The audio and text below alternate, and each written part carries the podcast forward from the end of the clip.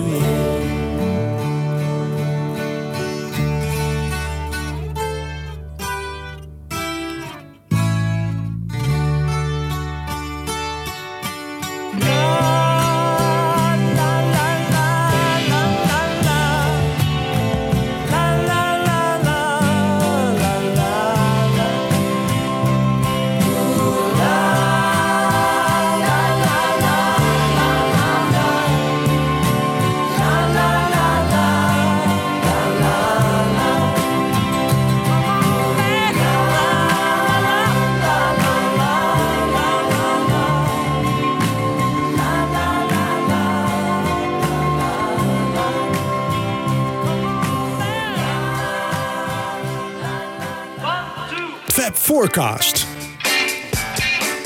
Ja, mensen. Goedemorgen, goedemiddag, goedenavond. Fab Forecast hier. Met de vaste presentatoren. Jan Kees. En Michiel. En we hebben de gast, die heb je de vorige aflevering ook al gehoord. Het zijn niet die twee dichters. Het is namelijk Jorik van Noorden. Jorik. Hey, hallo. Hey, hallo. Goedemorgen, goedemiddag, goedenavond. En Ramon is ook nog altijd. Ramon is het. Ja, want we draaien natuurlijk Little Lamb Dragonfly. En voor eh, de vaste luisteraars, hebben dat misschien wel herkend als de, de favoriet van Ramon. Die heeft je al een keertje eerder aangevraagd. want het eh, onderwerp van eh, deze show is, want we, nu we Jorik eh, toch in de studio hadden, dachten we van ja, daar moeten we gebruik van maken.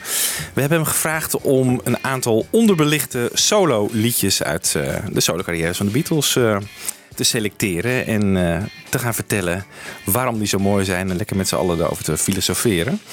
En dit was natuurlijk ehm, Little Lamb Dragonfly van het Retro Speedway album van Paul McCartney en Wings. Of was het Wings? Paul McCartney en Wings. Ja, hè? Paul McCartney en Wings. Ehm, vertel maar Jorik, waarom eh, deze track? Ja, ik heb dat altijd al een heel, heel erg mooi nummer gevonden. Ehm, ja, het zit heel vernuftig in elkaar. Eh, het zijn eh, twee nummers die zijn samengevoegd, zoals eh, we wel vaker zien bij Paul McCartney. Ja. Het ene liedje is Little Lamb, het andere liedje is Dragonfly. Want de titel is natuurlijk heel raar, Little Lamb Dragonfly. Ja. Maar ja, dat zijn gewoon twee liedjes in één. Maar ja, de manier waarop dat zo moduleert en zo, het zit heel slim in elkaar. Het is heel mooi gedaan. Maar ik vind het ook heel ontroerend en heel mooi gearrangeerd en mooi gespeeld. En, ja, het is ook er- ergens heel sentimenteel of zo natuurlijk. Maar ja, ik vind het wel mooi ook dat je het verhaal erbij kent. Dat hij in die tijd veel in Schotland zat natuurlijk met een jong gezin. Ehm, ja, en dat ze daar de lammetjes hadden en dat er eentje doodging. En hij maakt ook veel liedjes voor kinderen gewoon in die tijd. Hè? Net als uh, Mary Had a Little Lamb en zo. En ja, veel mensen maken dat dan belachelijk. Maar als je dat eh, in acht neemt... eh, ja, dat is eigenlijk heel erg mooi dat hij dat als vader dan voor zijn kinderen zo voor zich uitspeelt. En dan op zo'n niveau eh, dat weet uit te bouwen tot een fantastische compositie en een fantastisch arrangement, een prachtige opname. En wat eigenlijk ook wel interessant is, is dat Retro Speedway is eigenlijk een mislukt project, zou je kunnen zeggen. Ik vind het een hele mooie plaat, maar het is helemaal niet wat, wat hij in zijn hoofd had dat het moest worden. Nee, het moest een dubbelplaat Het zou- worden. Ja, het zou natuurlijk een dubbelaar worden, Ja. maar, maar daarnaast eh, ja, zou het gewoon een plaat worden met Clint Jones, eh, met, met Wings in de, in de nieuwe bezetting met Henry McCulloch erbij. En ehm, nou, die opnames gingen natuurlijk helemaal niet goed. En eh eh, Glenn Johns die, die, ja, die stopte de samenwerking. Hè, want hij zei van ja, als je denkt dat alles wat je doet in goud verandert, weet je wel, alles wat je aanraakt in goud verandert, dan heb je het mis.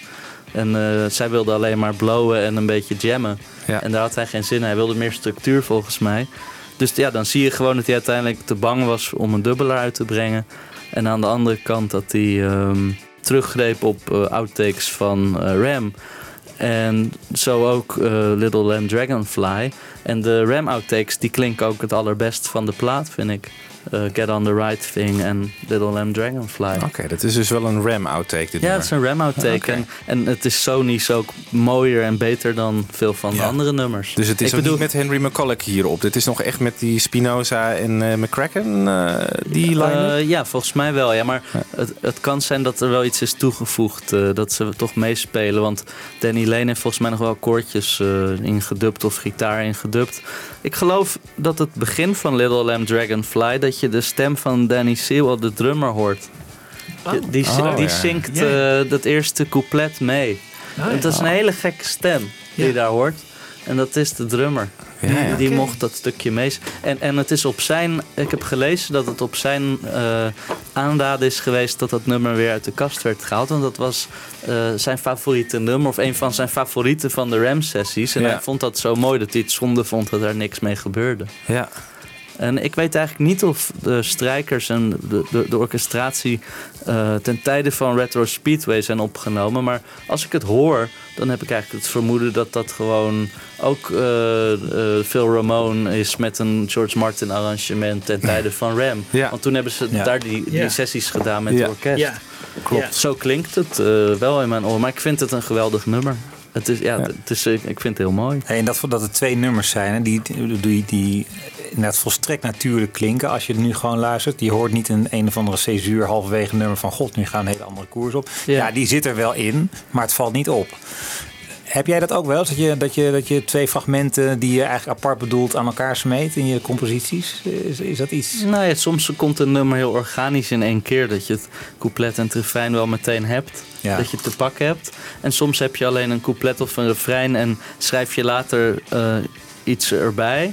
Of bedenk je dat iets anders er eigenlijk wel bij zou kunnen passen. Ja. En dan pas je het een beetje aan elkaar aan. Dus ja, je doet dat wel soms. Op mijn volgende album, die dit najaar uitkomt, heb ik een. eh, het slotstuk van de plaat is eigenlijk eh, geïnspireerd door de medley van Retro Speedway. Ah.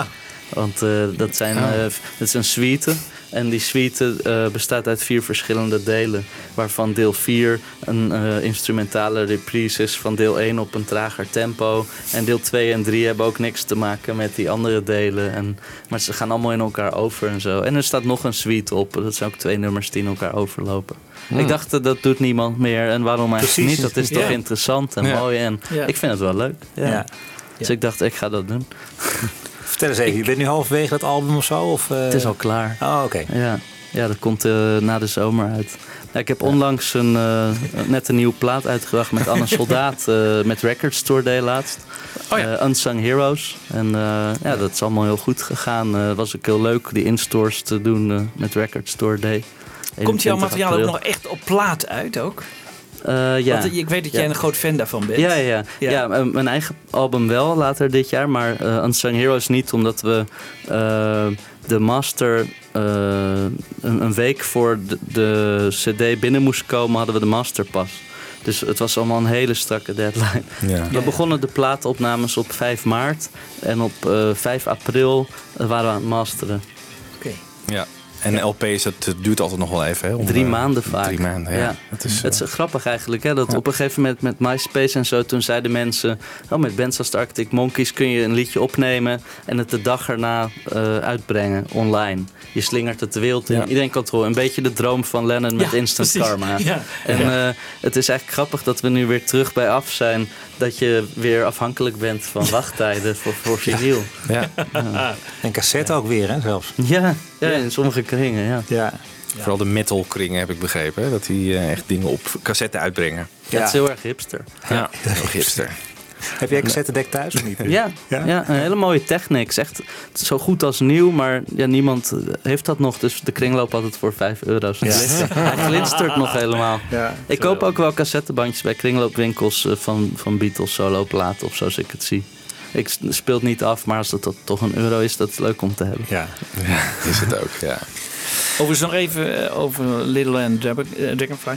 Eh Hugh McCracken speelt gitaar. En Danny Sywell die eh, heeft eh, meegeholpen aan de compositie, maar is niet, eh, heeft geen credits. Geen credits weer Nee, natuurlijk. credits. Nee.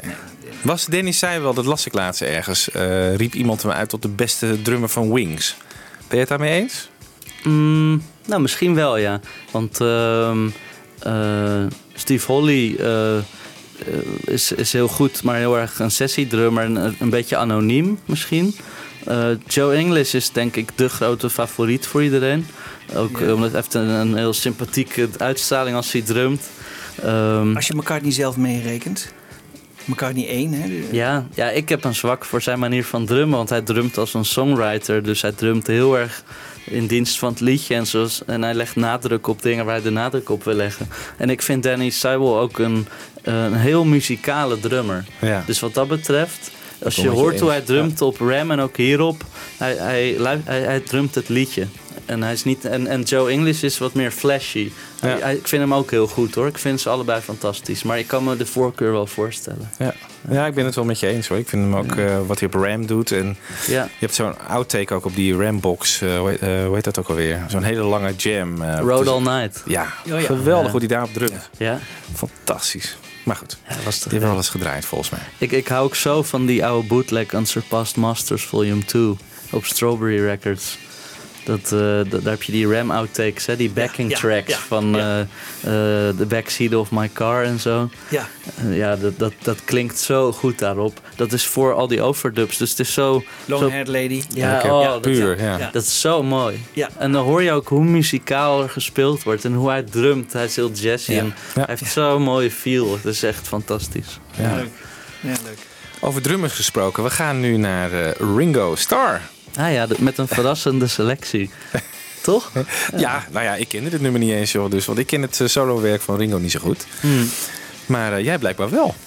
Ja, Ja. nou op zich. ehm, ik heb eh, denk ik als een solo werk eh, tot en met. eh, ik denk Ringo Rama of zo. Ik denk dat ik ben afgehaakt nadat hij stopte te werken met Mark Hudson. Oh ja. Maar ehm, nou ja, ik, ik vind veel van zijn werk eigenlijk wel mooi.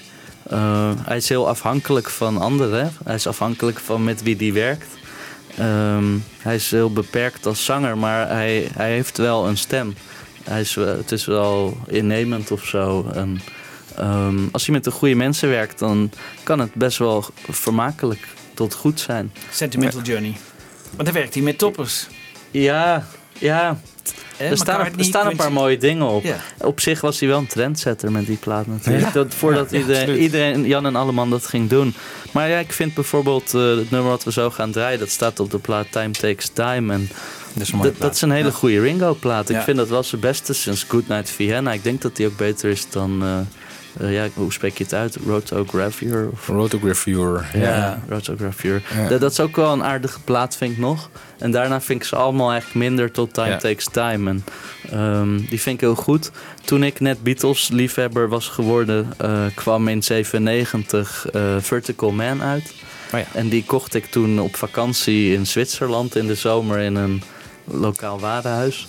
En daar heb ik heel erg van genoten. Ik vind het een, ook een hele goede plaat. Maar deze ook, die ontdekte ik later. Die kocht ik bij de plaatboef tweedehands een paar jaar daarna, denk ik. Dat is een Eh, voordeel van die plaat van Ringo zijn nooit zo duur, hè? Nee, die zijn even lang genoeg wacht. ja, dat is altijd. ja, ik denk dat ik er 5 gulden voor betaald of 7,50 Ja. of zo. Maar ik vind het een mooie plaat. Er staan goede dingen op. Ja, de productie is wat gedateerd. Maar hij werkt, ja, hij werkt wel met smaakvolle mensen samen hier en daar. eh. Eh, dat is het mooie van die twee platen, vind ik. De- hier doen jongens van Jellyfish mee. En op dit nummer Brian Wilson. En hij werkt met Jeff Lynne. En ja, daar kun je van houden of niet. Maar ehm, ja, ik vind dat, dat, dat het de beste platen zijn die je mocht verwachten van hem Ja. op dat punt in zijn carrière. Ik denk Ja. dat dat heel goede platen waren voor wat, waar hij toen in staat was. Nog. Zullen we even gaan luisteren? Het gaat Ja. om In a Heartbeat. If you're ever feeling down, if your world ain't turning round, I'll make it turn around for you. I'll do whatever I can do. If you ever need someone, I would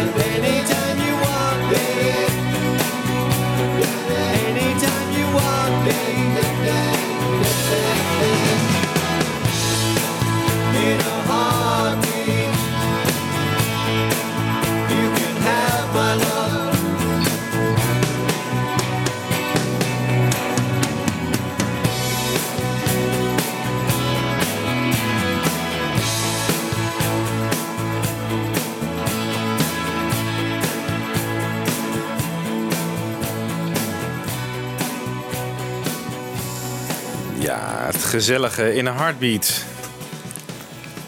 Ja, Mooi. prima nummer toch? Ja. Ja, het is wel bijzonder met Brian Wilson in, in de Landy-tijd. Die dan even zo dit Oh ja. koortje kon doen. Te- ja, gewoon een hele rare man op dat moment. En, en dan doet hij even zoiets geniaals. En je hoort de jongens van Jellyfish meezingen. Ehm, het En Landy is die psychiater toch? Ja, van eh, Brian Ja. Wilson. ja, ja daar, daar zat hij toen... eh, Maar heeft Brian Wilson dit geschreven? Nee, nee, die zi- zingt alleen mee Zingt als alleen gast. Ja, ik Ah, weet niet wie het geschreven heeft, maar... ehm, ja, heel veel mensen hebben liedjes aangedragen voor die plaat. En ze hebben er ook veel uitgekozen. Maar ja, het- ik vind het een mooie plaat. Ik bedoel, het verbleek... Diane Warren. Oh ja, die oh is ja, ook wel die is wel een hitschrijfster, ja. Ja, en het, het is ook wel... Het verbleekt misschien een beetje tussen andere nummers die we draaien. Maar ja, als je het gewoon binnen Ri- Ringo's oeuvre bekijkt... dan... eh, ja, dit, dit is wel sympathiek en wel mooi gedaan. ja. Vind je nou dat hij als drummer eh, zich ook verder heeft ontwikkeld of interessante dingen doet in zijn solo carrière? Nee, ik vind niet dat hij zich als drummer heeft ontwikkeld. Ik denk dat hij... Of, of eerder misschien wel achteruit is gegaan? ja, Ik denk ja, dat hij zich als songschrijver heeft ontwikkeld. Ringo, want als je in de Beatle-tijd Ja. is het natuurlijk... eh, ja, Maar de liedjes zijn ja, toch heel vaak ook wat vlak, ook qua ritme. En Ja. wat la- lastig is om, Hmm. om je enorm flashy uit de pand te- Nee, dat is zo, ja. Ja, ik denk dat hij zich in de jaren zeventig wel heeft ontwikkeld tot professioneler drinker en feester. en eh, ja, nee, Of zijn er wel eens nummers die je hoort waarvan je denkt van nou, dit, dit hier klinkt weer de oude drum sound die ik uit, eh, weet ik veel, Hey Jude ken of zo. Nou ja, wel in het begin natuurlijk. eh, als hij op, op, het, eh, op, op Must Pass drumt. Of op, op- Bangladesh. Ja, dat, dat Ja. is allemaal wel dik in orde. En, eh, vooral ook met Steven. Stills, eh, op die plaat en zo. Maar ja, dat- dan praat je eigenlijk nog over de uitlopers van de Beatle-tijd. Ja. Maar Ja. toch eh, van, vanaf 74 eh na Goodnight Vienna... dan is het toch allemaal één groot drankgelach. En eh, Ja. dat Hij gaat doet door totdat wat hij met McCartney, hè? Beautiful Night en zo, weet je. Dat Ja. soort dingetjes Ja. doet Ja. hij nog. eh, Ja. Ja. Broad Street.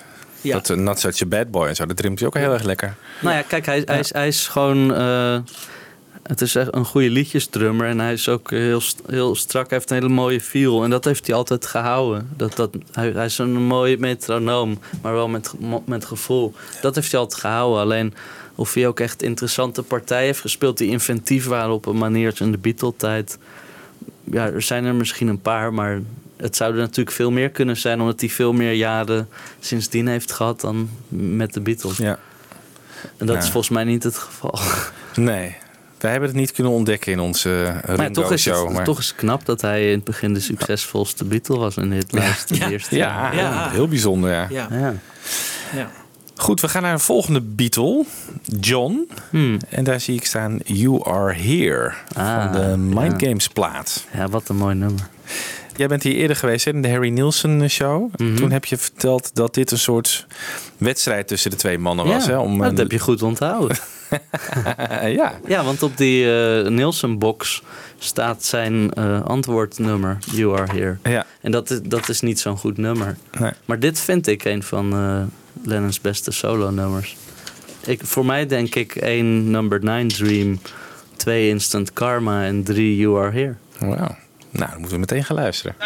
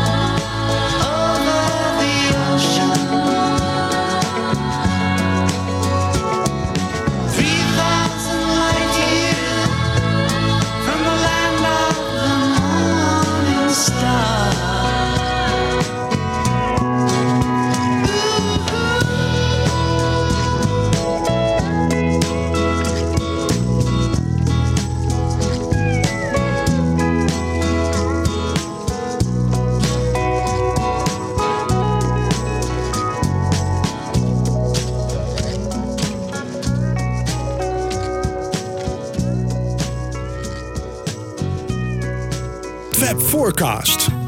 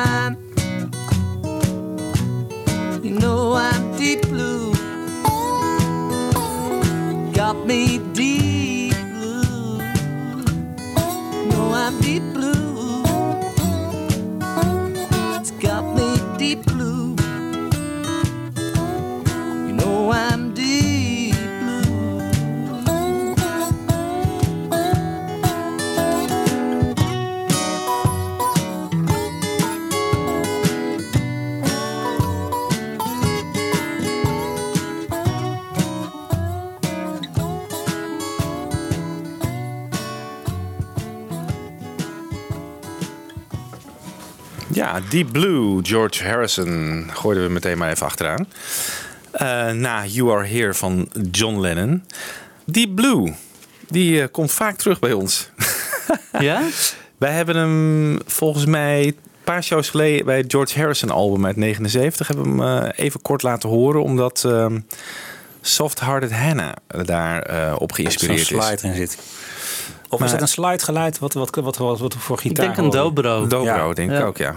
Ja, heerlijk nummer. Kun je niet genoeg horen. Nou ja, het is gewoon ook... eh, had hij maar meer gemaakt in die geest. Ja. Het is, eh, het is een heel, heel eh, mooi persoonlijk nummer. En, eh, Over zijn moeder, hè? ja, en het is, Ja. het is emotioneel en het is bijtend en alles in één. Het is bluesy, het is folky en het is heel aards. En heel, het, ja, het is heel, ik vind het een prachtig nummer en het is zo onderbelicht als B-kantje.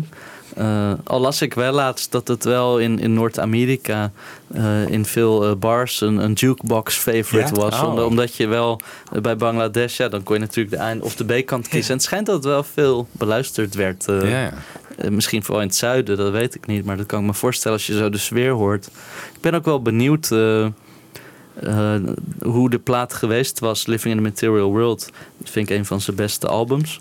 Maar eh, hij was er natuurlijk al lang aan bezig in 72. En eh, eerst dat, het- zou het The Magic is Here Again heten of zo. En ik ben benieuwd wat daar nog aan outtakes eh, in de archieven Ja. ligt. Ja. Ik heb het idee dat hij op een gegeven moment bijna opnieuw is begonnen of zo. Dus ik ben benieuwd wat daartussen zit. En misschien is dit wel ook iets wat er net tussen zit. Ja, ik, Ja. Nooit op cd verschenen. Deep Blue niet? Nee, pas in 2006.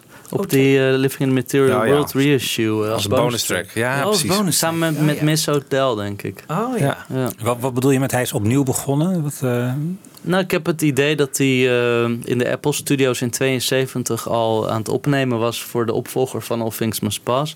En toen heeft hij volgens mij op een gegeven moment Ja, ook een auto-ongeluk gehad. eh, Ja, waar hij best wel eh, van moest herstellen. En ik heb het idee dat eh, de uiteindelijke plaat, dat, dat hij pas daarna daaraan is begonnen. En ik heb het idee dat er nog een soort plaat tussen, Tussen eh, zit. zit. Of in ieder geval opnames. Ook misschien andere versies van de nummers die op de plaat staan uiteindelijk. Maar eh, dit klinkt een beetje alsof dit die missing link kan Ja. zijn. Omdat hij ten tijde van veel meer- Bangladesh opnam. Precies. Dus het valt Oh, ook ja. precies in die chronologie ertussen. En het, is ja, het heeft een hele aardse sound, wat je ook al zegt. En da- Ja. daarna heeft hij eigenlijk een beetje is hij wat, een wat esoterischer sound heeft hij eh, gekregen. Met die heel veel, eigenlijk allemaal met die slidegitaar van, omdat Ja, hij heel mooi speelt. Maar heel veel nummers beginnen op een gegeven moment wel een beetje op elkaar te lijken. En dit is Mm. wat dat betreft wel een redelijk unieke sound voor George. eh, ja, ik vind, ik vind een van, van zijn best klinkende nummers. Ja, Elk instrument is zo mooi opgenomen en zo direct. En ja. hoe het klinkt is, is zo goed wat dat betreft. Net als dat eh, nummer dat later op die All Things Must Pass eh, box is uitgekomen van I Live For You. Oh ja. Dat Ja. heeft dit ook wel een beetje, want het is ook zo mooi Ja. s- eh, despectorized eigenlijk, weet je wel? Gewoon Ja. echt lekker puur. Ja, het is, het is eigenlijk inderdaad echt in alles een tegenpol van eh, wat hij deed met Phil Spector op dat Ja. moment. Dat Ja. is wel grappig.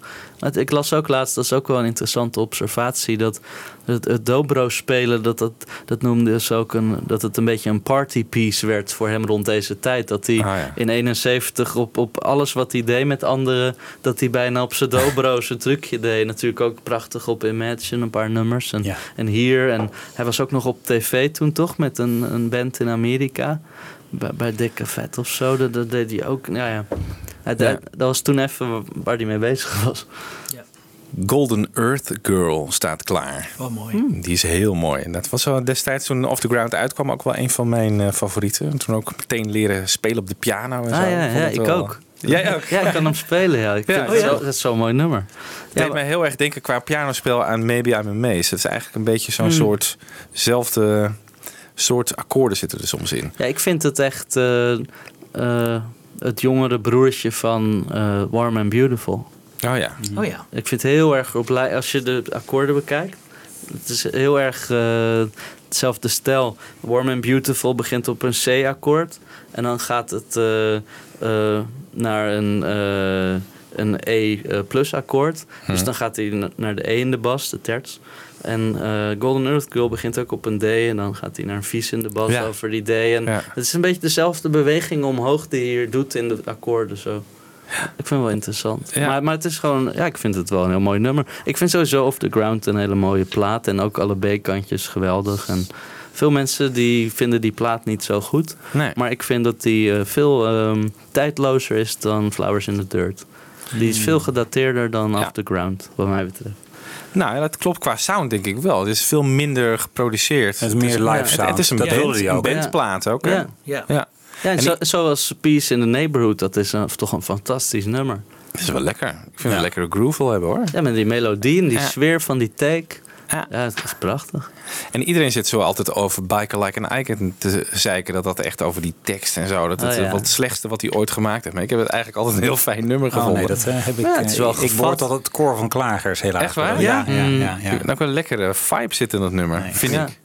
En Looking for Change is ook. eh, Ja, Looking for. Changes, dat is eh, voor Ja. mij de risée echt. eh Oh ja? alle, allerdiepste dieptepunt. Maar Oh, dat, vind nee, ik, dat vind ik juist een van zijn be- betere teksten uit die periode. dat meen je niet. ja. Leuk, hè? Oké. Dat, er zo verschillend over elkaar niet Ja. kan worden. Ja, ik vind vind in ieder geval echt- een plaat die veel reacties op. Ja, Ik vind het mooi bij Looking for Changes dat hij dat hij, eh, echt iets wil zeggen en iets, echt iets te zeggen heeft. En dat hij dat ook eh, op een hele mooie manier zegt. Ja, dat, dat, ik vind wel dat hij wat te zeggen heeft, maar ik vind dat hij dus totaal niet op een mooie manier zegt. Ik vind echt dat hij, het is zo plat eigenlijk en zo direct. Ja. Eh, kijk, als je protesteert tegen iets, dan kan je er ook een soort sausje overheen gooien, zoals hij bij Blackbird. Hè. Je, giet, je hebt een bepaalde metafoor. Mhm. Om, al- om een boodschap, een dieperliggende boodschap over te brengen. En hier is het over eh, Cat with a machine in his brain. En eh, dat rijmt dan weer op pain. Ja, maar dat, en, maar dat is toch altijd zo geweest. Net als bij Neil Young met eh, Ohio van uh, Foreman. eh ja, maar for dan, in Ohio. ja, maar dan roept hij in ieder geval een beeld op. Waarvan je denkt, Mm. van, nou ja, het, het, het raakt je. En, eh, Nee, ik, ik vind het voor een protestsong wel mooi. Maar ik ben het wel met je eens. Als je het naar het Nederlands zou vertalen, dan klinkt het wel Wat plastisch. wat, waar, plat. ja. Ja. Maar aan de andere kant, eh, een protest is, is, is schreeuwen en geen oplossing bieden. En, en dat, Ja. dat is plat. Ja, nou, Ja. mooi gezegd, denk ik. En muzikaal kun jij er ook niet van genieten. Ik bedoel, eh, gewoon qua nee, muziek. Nee, ook niet. Nee, maar goed, het is... eh, nee, Nee, nee, dat mag. Dat mag. Voelig Ja, maar ik vind het interessant. Ja, dat is leuk.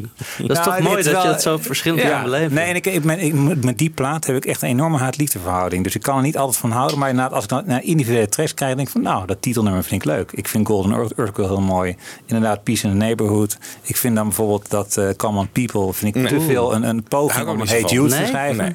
Nou, ik vind, ik vind echt, in de, in de jaren 60 had je Hey Jude. En, en in de jaren 90 had je Come On People. Het enige verschil was de maatschappelijke impact. Oké, dus je plaatst het wel gewoon op hetzelfde rijtje als Ja, eh, Hey zeker. Ja. Net als, ik, ik heb een hekel aan Robbie Williams, maar zijn nummer Angels, dat is een beetje Ja. het Hey Jude van de jaren eh, 90 ook weer? Ja, Ja. 97 of zo. Ja, 98, maar ik, ik, ik vind dit ook, dit, ik vind dit net zo goed als Hey Jude, Come On People. Ja, Hmm. zeker weten. Ik hou wel van Wine Dark Open Sea. Dat ook Oh ja, Oh ja, mooi. mooi. Mooi dat hij op. Pure McCartney stond ook. Ja, inderdaad. heel terecht. ja. Ja. Ik had ook wel graag eh, ehm, Kick It Around No More willen draaien. Ja. Dat is ook een Oh ja, mooi. Oh, mooi. Ja, Een beetje I'm Not In Love met al die stemmen. en ja. Ja. Ja. Oh ja. Een long leather coat stond erop, geloof Oh, ik. ja. Ja, ja. Style, style. Ja, st- Ja. En er staat eh, I Can Imagine. Dat vind ik Ook wel een heel mooi, B-kantje. En Echt raar dat hij niet op de plaat is gekomen. Maar echt een hele goeie. Down to the River. Down to the River. Down to the river, ja. Ja, Ja. Het, het lijkt ook een beetje op The River van Bruce Springsteen. met een mondharmonica erop. Maar eh, zullen we even gaan luisteren naar Golden Earth Girl? Ja, arrangement Carl Davis. Ah, ja, Oh. En, Oh. en dat is natuurlijk interessant, net na de... De oratorio. Sorry. Ja, grappig.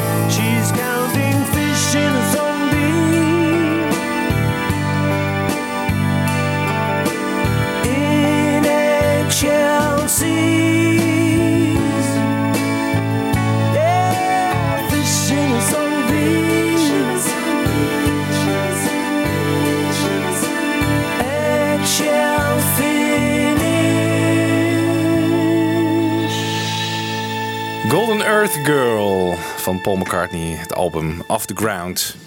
En de obo, oboe, oboe, wat zeg je? Oebu Jubu. Oboe Jubu.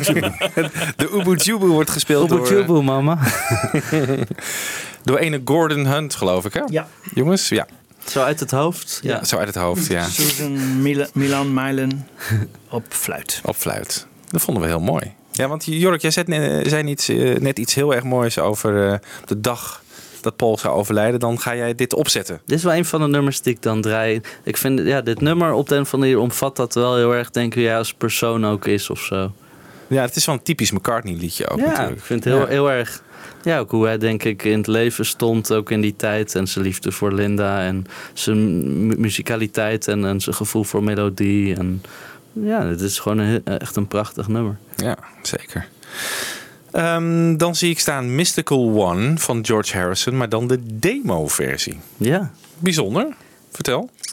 Nou, veel eh, Harrison-platen eh, leiden toch een beetje, of eh, leden toch een beetje eh, onder overproductie op een gegeven moment. Of een zekere gedateerdheid. En ehm, nou ja, de, Troppo is wel heel erg eh, een dieptepunt misschien qua sound en productie.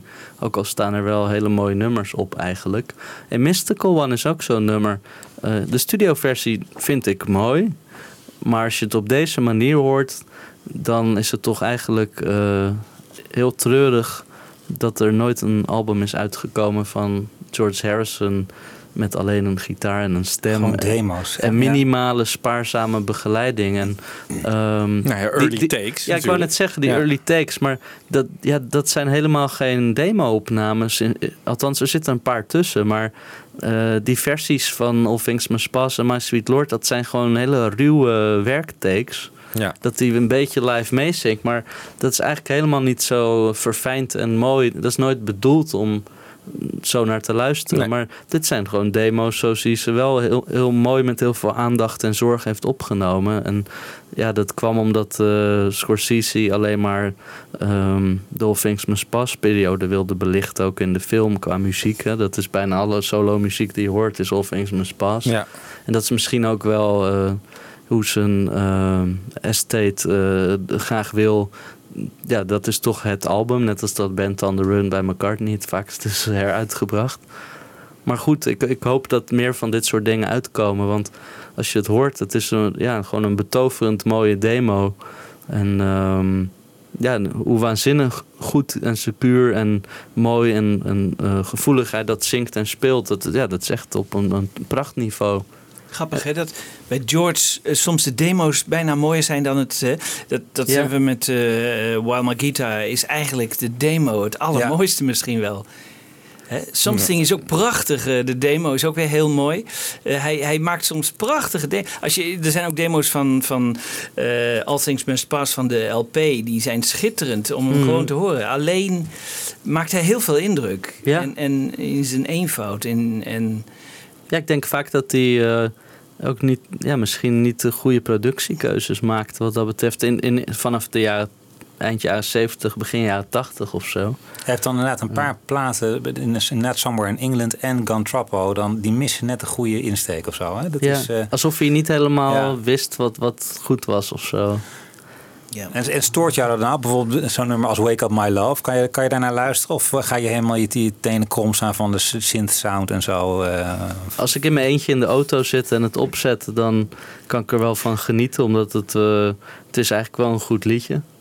Maar als ik het opzet in gezelschap, realiseer ik me wel dat het eigenlijk niet zo heel goede keuzes waren die werden genomen. Nee. nee. het is wel, ik heb eh, pas een eh, podcast van anderhalf uur over het hele solo carrière van, eh, van George Harrison beluisterd. De, fa- de, de Fabcast, onze collega's uit Amerika. Oh ja. En die eh, waren over Gun Troppo, zeiden ze dat is zijn meesterwerk. Ja. Onvoorstelbaar, hè? Dat je daar echt serieus en eh, ja, ja, beter dan All Things Must Pass. En daar waren ze het allebei roerend over eens. Wauw. Ja. Ja. Heerlijk, dat soort meningen. Ja. toch? Ja. Ja. Ja. Maar kon je meegaan in hun beredenering waarom Nou, het zo was? Niet echt, want ik vind ook heel veel nummers. Ik vind Circles en Grease. Vind ik, en, en, en ook dat. dat, Ah, dat- Grease is wel leuk. Grease is wel leuk, maar dat, eh dat een beetje dat Every Brothers. Ja, ja. Wat, vind je, wat moet je daar nou mee? Als je ook kan kiezen voor Beware of Darkness of, eh, of eh, Ja. nou ja. Ja, ze hadden ook wel, ik heb die aflevering ook beluisterd. Ze hadden een eh, soort theorie dat eh, George eigenlijk maar één kleur op zijn palet had. Hè? En McCartney natuurlijk heel veel. Ja. En dat wat George doet, dat is gewoon. eh, en wat hij goed kan, dat, dat kan hij ook. En, en doet hij ook heel erg goed. Maar hij heeft niet de brede musicaliteit van, eh, van een McCartney en zo. Dat vond ik wel. eh, Ja. een, ik dacht van ja, dat, dat is wel een punt. Ja. Dat Ja, heeft maar toch zo, ook zo'n plaats als Cantropo is wel heel divers. Voor één artiest. Ik bedoel, we gaan van Circles en dat is een beetje in een, een Blue Jay Way-achtige uitvoering naar, naar Wake Up My Love met al die synths en juist heel Ja. erg ethisch. En, Ja. en Dream dan eh. Dream Away. Dream Away vind ik wel een mooi liedje. Ja. Ja, het, is. Het, is ook, het heeft iets fouts, maar het is ook wel mooi. Ja. Dat komt toch uit die film ook? Uit eh, Time, Bandits, ja. En volgens mij nam hij dat nummer ook op op de dag na de moord op Lennon. Oh ja, ja. Zullen wij naar Mystical One Ja. gaan luisteren? De demo dus. Maar eh, die is van Gone Troppo ook, hè? Die staat Ja. als bonus track op Ja. Troppo. Oké.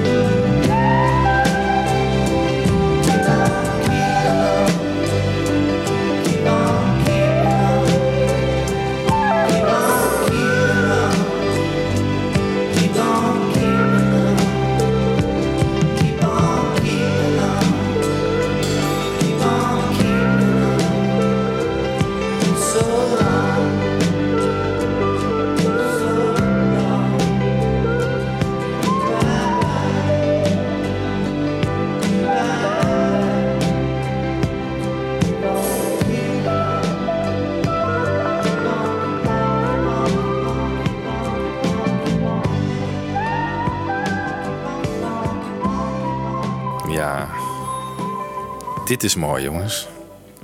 Wauw. All Dirt Road van John Lennon. En daarvoor hadden we de demo van Mystical One. Ken jij de... Ja, die ken jij natuurlijk, Jorik. De Man Love Avenue plaat. Mhm. Daar staat dit nummer ook op, op die B-kant. In een soort rehearsal-achtige vibe. Ja. Die vind ik misschien nog wel mooier. Sowieso heel veel nummers van Walls and Bridges. Die zijn daar echt zo puur en klein eh, gehouden op die plaat. En dit is toch, toch wel weer een beetje geproduceerd. Ook wel mooi hoor, maar... eh, Ik kan me voorstellen. Je hebt ook een hele mooie Nobody Loves You When You're Down and Out op de Lennon Anthology. ja, die is ook Die is heel ook mooi. heel mooi, ook wat minder groot. Ja. Ik vond ook die eh, Listen to This uh, drie dubbel CD set van uh, Fiji Tone een mooie bootleg uitgave met Walls and Bridges sessies. Ja. Dat klinkt ook heel goed. En ja, Walls and Bridges. ehm, En eh, vind je dat dan niet te geproduceerd? Want je, we hadden het net over George natuurlijk, dat zijn platen wat te geproduceerd zijn soms. Is dat Nou- bij Walls and Bridges? Heb ik soms het gevoel hoor. Dat wat, eh, Ja, ik, ik, ik vind eh, eh, dit heel smaakvol qua sounds. mhm. Qua periode, hoe, hoe dingen klonken. En de mensen met wie die werkt en de manier waarop het is opgenomen. En dat is eigenlijk mijn probleem met de producties bij bijvoorbeeld Gantropo. Ja. En, en misschien inderdaad ook een paar platen daaromheen. Ehm, dat, ja, dat heeft dan met de sound te maken die me dan niet aanspreekt. En dit vind ik allemaal heel smaakvol. Die Jesse at Davis, die heeft echt zo'n mooie klank. En ja, die speelde dan ook op van die mooie kleine Fender versterkertjes. En die heb ik zelf dan ook, eh, die verzamel ik ook. Eh, en eh, ja, die had ook een Telecaster die op speelde. En ja, daar verdiep ik me dan een beetje in, want ik vind het zulke mooie klanken. En Ik vind Walls and Bridges een van Lennon's beste platen. Ik denk eh, zijn beste plaat na Imagine en John Lennon Plastic Ono Band. En zeker zijn meest onderschatte wat mij ja, betreft. dat denk ik ook. Dat, eh, ja. ja, de, de- number 9 Dream, mijn favoriete Lennon solo nummer staat erop. En Ja. nummer als dit. En ik moest ook even nadenken welk nummer ik zou willen draaien. Ik dacht ook nog aan Bless You of zo, maar toen luisterde ik het en toen dacht ik, ja, het duurt ook wel lang en het blijft wel een beetje hetzelfde. Mhm. Toen dacht ik, ja, dit is toch eigenlijk ook wel een prachtig nummer. Misschien hebben we het er ook wel over gehad bij de Nielsen Nielsen. podcast. Ik wou net de ja. Nielsen versie op eh, Ja. Flash Harry. Die is ook, ook wel mooi, maar die haalt het eh, helemaal niet hierbij. Nee. Nee. het is een co-compositie ook dit, toch? Ja, ja. Met Harry. Ja, zo bijzonder, ja.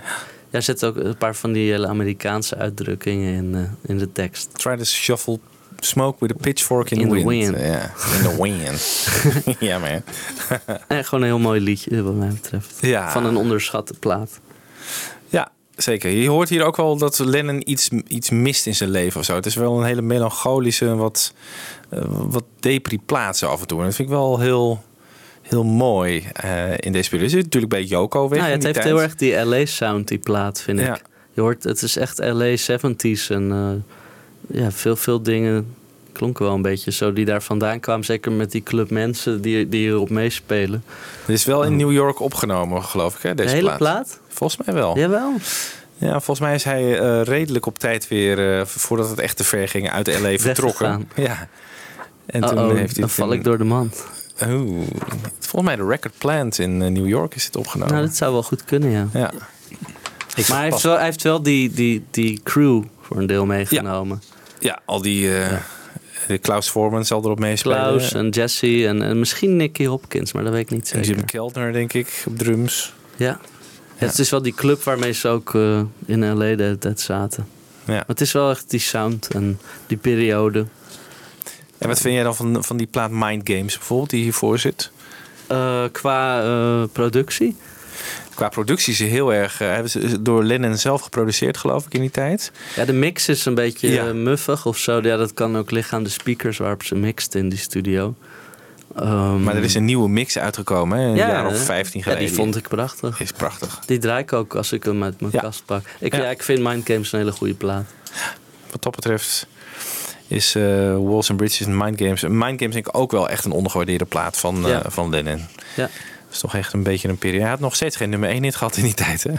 En Ringo wel eh, al twee of drie, geloof ik. Ja, en op Walls and Bridges inderdaad dan toch ook zijn eerste nummer 1 Ja. hit. En Ja. ook wel grappig inderdaad op zo'n melancholische plaat dan zo'n eh, ja, feestnummer. ja, dat is het in feite, ja.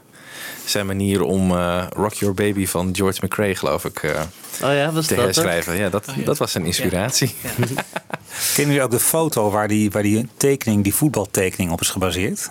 Van Lennon? Eh, nee. Want die is, eh, nou ja, dat wist ik ook niet, maar eh, hij heeft het- dus, we kennen die voetbaltekening van Walls and Bridges, die heeft hij dus zelf gebaseerd op een foto uit 1952. En die tekening is ook gedateerd juni 52.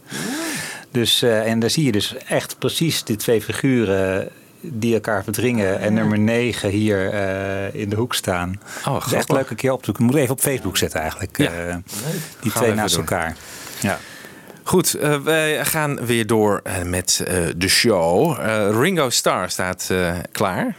Eh, King of Broken Hearts. Van welk album is dat? Dat is van eh, Vertical Man. Oh ja, En, eh, Had je het net over. Ja, daar speelt Harrison echt eh, een van zijn allerbeste slide solo's op uit zijn hele carrière, wat mij betreft. Hm. En eh, ik vind dat ook een, een heel goed nummer.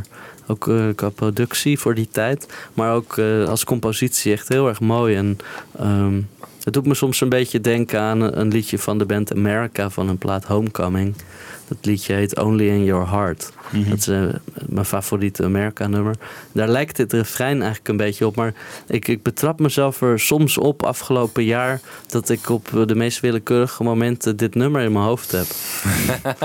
dus het is een goede melodie, denk ik. ja dat denk ik dan ook. Oké, we gaan hem even draaien.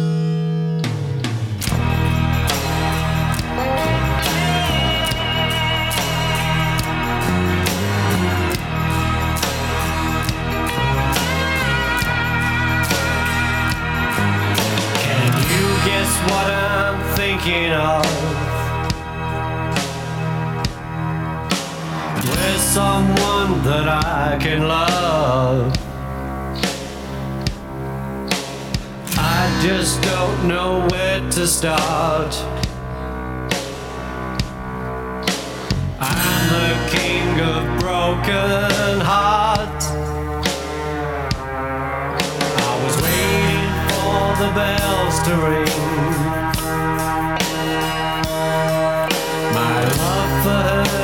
Keeps lingering. Praying that she'd wear my ring. Waiting for the crowd to sing. I'm the king of broken hearts I've lost before I ever start to love again. The king of broken hearts I'd give it all away to find a friend again. Again. Where's the dream I had before? She just walked right out the door.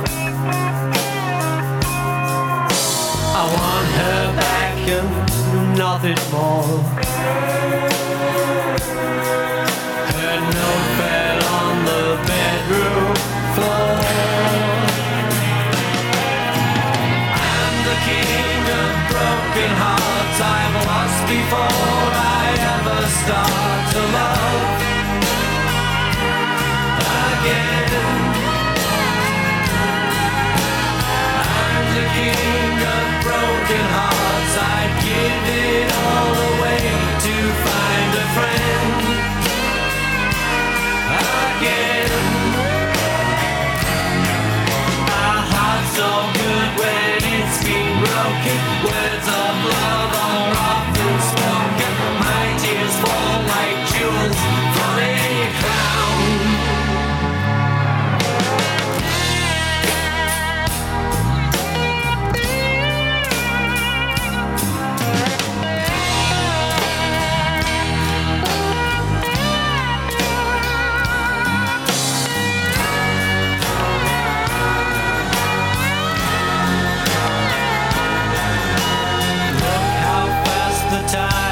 Some people live but never learn. I can make a brand new start living in the land of broken hearts. Yeah, I'm the king of broken hearts. I've lost before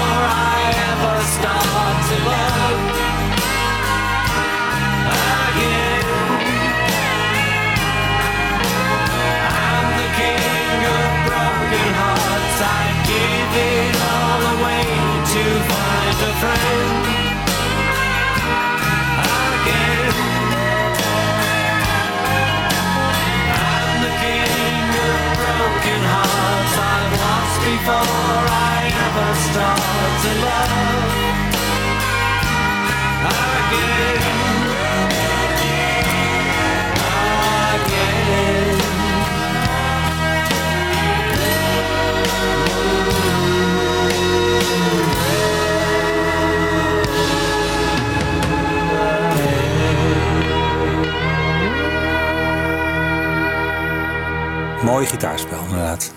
Ja, Volgens mij heeft George zo het eh, thuis opgenomen en opgestuurd naar Ja. Ringo. Deze Ja, solo. klopt. Ook wel, dat deed hij aan, eh, aan het eind van zijn leven heel vaak. Het is grappig, we, we lezen hier nu uit het boek eh, Eight Arms to Hold You. Fantastische naslagwerk van eh, Chip Madiger en Mark Easter. En eh, daar stond deze plaat ook in, ontdekten we. En eh, ja, zij vinden het eigenlijk allemaal helemaal niets. Maar dit nummer kunnen ze wel waarderen. Evenals ehm, One, de opener. En ze zeggen allemaal sarcastische dingen. Bijvoorbeeld bij het nummer Puppet zeggen ze... ehm, It almost didn't make the final cut, as consideration was given to removing it from the track listing. However, cooler heads prevailed and the world at large was able to enjoy the tune. en hebben ze het een paar nummers eerder gehad over dat de plaat zo slecht verkocht dat er geen tweede single kwam. dat is eigenlijk ook wel grappig, ook een beetje lullig, maar het- Moet Ringo eigenlijk niet gewoon, hebben we het al vaker hierover gehad, een country plaat maken, Jorik? Heeft hij al gedaan toch? Ja. Ik denk dat het nu te laat is. Ja? Ja. ja Met deze hele country eh, retro vibe waar we nu een beetje in zitten. Of misschien is hij ook al voorbij, ik weet niet. Zijn stem is toch niet echt slechter geworden? Nou, hij nee. kan- nee, nee, nee, ik denk Nee. het niet. Maar ja, ik weet niet hoeveel we nog van hem kunnen verwachten. Ja, waarschijnlijk zou hij die, zou die, die plaat dan gaan maken met, eh, ehm, hoe heet hij ook alweer? Joe Walsh. Joe Walsh. Joe Walsh. Ja. Nou, En, en met die jongen van eh, Dave Stewart. Daar werkt hij ook volgens mij wel eens mee samen. Ja. Ja. Buck Owens. Dat zijn er niet de mensen die, die ik zou uitkiezen als mensen die echt eh, midden in de muziek staan en, en, en, en, en een soort eh, baken van smaak, goede smaak zijn of zo. Ja, hij zit natuurlijk wel in een periode waar je kan afvragen, zeg maar, in een, de- toch een beetje het eind van zijn, zijn recording eh, Ja. live, zeg maar. Hij doet het gewoon omdat hij het leuk vindt, Ja, denk ik. Maar je kan je ook afvragen, zijn er niet nu nog een paar projecten die hij echt moet doen, hè, dat hij die echt nu moet gaan doen? Zijn stem is nu nog goed, hij is gezond. Ik denk Ehm, in zijn geval dat hij gewoon eh, moet zorgen dat als albums weer eh, in print komen en ook op Spotify, want er ontbreken er een heleboel. Ja. En eh, dat er ook een boxset uitkomt van Hij heeft hem, pas een nieuw recording contract Ja, deze met week. DMG Ja, gesloten, hè, voor Ja, eh, pas, heel ja. veel miljoen. Oh, dan zullen ze wel iets met de catalogus gaan doen. Ja. ja. Ja, zit er dan alles in? Is, hebben die dan... Ja, als een solo werk. Oh, Dus het komt allemaal weer heel fijn voor jou. Ja, Jan Kees remasterd uit in, in dubbel cd's en zo. en dat soort dingen. Dubbel vinyl. Ik was vorig jaar in L.A., toen was ik nog naar zijn huis gereden. oh ja. En eh, die poort is echt zo kiets met allemaal van die sterren. Oh, van ja. Star. ja. de hele poort is het vol met van die sterretjes. Dus je weet gewoon, ja, dit is het inderdaad. Onmiskenbaar. Ja, maar je kan het huis niet zien. Het is een enorm stuk grond erbij en zo. En Staat het- er en peace and love op de poort? Nee, niet echt. Nee? Je zou het verwachten. En het is, eh, het is om de hoek eh, bij Heather Road, bij dat huis eh, van McCartney. Ah. dat is Oh, ja. nagenoeg om de hoek. Dus volgens mij elke keer als zij samen eh socialize in L.A., dan eh, is McCartney daar in zijn huis en hij daar. Maar het is echt eh, een paar straten. het is een blokje om en dan ben je er bij, de, bij Heather Road. En dat is dat huis waar George Harrison is overleden ook. Oh, ja, Ja. natuurlijk. Oh, Oké, daar- daar daar heb je ook voor gestaan, voor dat huis natuurlijk. Ja, daar ben ik wel Ja. geweest, ja. ja. Is dat, eh, want Ringo's eh, echt zijn, zijn hoofdadres is in L.A., toch? Ja. In dat huis. Ja. ja. Ja, we hebben, ik was met een paar vrienden en eh, we, we hebben van alles gedaan. Maar we hebben ook één dag, ik had een lijst gemaakt van 25 eh, adressen waar we eens even moesten ja. kijken. Dus toen zijn we door Bel Air gaan rijden en, en door, Beverly Hills en al die wijken. Dus ook bij het Bel, Bel Air Hotel en het huis van Harry Nilsson en zo. Oh ja. en, Oh ja, Blue Jay Way. ja, ook geweest. En, Ja. en die plekken waar de Beatles dan verbleven of waar, eh, waar Elvis zat. En Oh ja, ja. Nou ja, allerlei verschillende artiesten hoor. Ook de huizen van Brian Wilson, ook het huis waar de studio was. En eh, dus eh Bellagio Road en zo. En, Oh ja. ja, dat was te gek. Ja. Ja. Is het huis daar ook niet waar eh, Charles Manson die moorden heeft eh, gepleegd? Was ook in Bel Air, meen ik. Mm, het zou kunnen, ja. Dat stond niet op je kunnen. lijstje. Nee. Zijn we niet geweest? Nee. Nee. nee. Nou ja, ik, ik, had ja. op zich wel over willen kijken. Ja, maar dat- nou ja, ja. gewoon zo van, oh ja, was dat ook hier of zo. Maar ja. En waar verbleef John in zijn tijd? eh, in, eh, Ja, daar zijn we ook geweest. Santa dat was Monica, in Santa toch? Monica, ja. Ja. Ja, zo'n beachhuis. Daar zijn we wel gaan kijken waar die met Keith Moon en zo woonde. Maar Oh ja. eh, dat vol- volgens mij... Nou, ik kan me niet precies herinneren, maar ik, ik dacht dat dat niet direct aan het strand lag, maar aan de andere kant van de strandweg of zo. Maar misschien was het ook wel direct. Nee, dat weet ik niet meer. Ja. Als je daar dan toch bent, hè? Ja. Ja, zeker. En de Capitol eh, eh, building Tower. heb je, Ja. de Tower heb je Ja, natuurlijk ja. gezien. Ja. Hey, we gaan nu naar eh, Some People Never Know van Wings. Van het Wildlife album. Ja. Zeg Ramon, de vorige keer dat jij hier was, toen had jij het erover dat, eh, dat er vanuit eh, NPL interesse was. Of tenminste, hebben dat besteld. Die Wildlife Special van de magazine, toch? Kom eens Ja, even wat dichter bij de microfoon. En jij zei, meestal zijn dat indicaties van wat er eh, in de archive eh, release gaat komen. Ze Ja, hebben al eerder ze- dingen besteld. Ja, het wordt nou lastig, want ze bestellen nu alles. Ze willen nu, eh, Oh. ze hebben alles besteld eigenlijk. Dus het wordt nou een beetje onvoorspelbaar. Het, hele, het hele archief ook, of? Ja, ja. Ah. Ze hebben alle issues besteld. nu. Maar dat is waarschijnlijk dan puur voor het fotografisch materiaal, of niet? En de informatie, denk ik. Ja, maar het is in het Engels, hè? Ja, Ja, het is in het Ja, Engels. ja, Ja, dat, is het vervelende. Ze zullen niet zeggen van eh, we gaan informatie uit jullie eh, blaadjes lekker gebruiken. En, en dat niet melden. Maar ze krijgen ze ook van ons, maar ze bestellen ze ook nog los daarna. Ze bestellen ze ook nog. Dus, ze zijn Er staat er niet een keer iets tegenover of zo? Gewoon van eh, een Nee, ontmoeting heel- met echt, eh, nee, meneer? is- De deur Nee? zit echt helemaal op slot. En dat is teleurstellend, want de, de, wij zijn natuurlijk de fans. We, we vertegenwoordigen de fans. Ja, Maar de deur zit op slot en die gaat ook niet open. nee. Jammer, heel- jammer, hè? Ja, je, je, je komt er niet doorheen. En je kan, je, er, komt wel altijd een antwoord terug. Maar Ja. altijd diplomatiek is het... En wie is dat zo- dan? Wie is dat dan, die, die eh, correspondentie Eh, met jullie? Stuart Bell. Stuart Bell. Oh, dat Ja. is wel zijn, zijn Ja. persman, geloof ik, hè? Ja. Het is, al, het is allemaal handelswaar. Hè? Dus als ze iets aan ons geven, en dan, dan denken ze meteen dat, het meteen, eh, dat we het gaan verkopen of, of, of dat soort dingen. Ik, ik, ik weet het niet. Dus het is echt heel vervelend. Ja.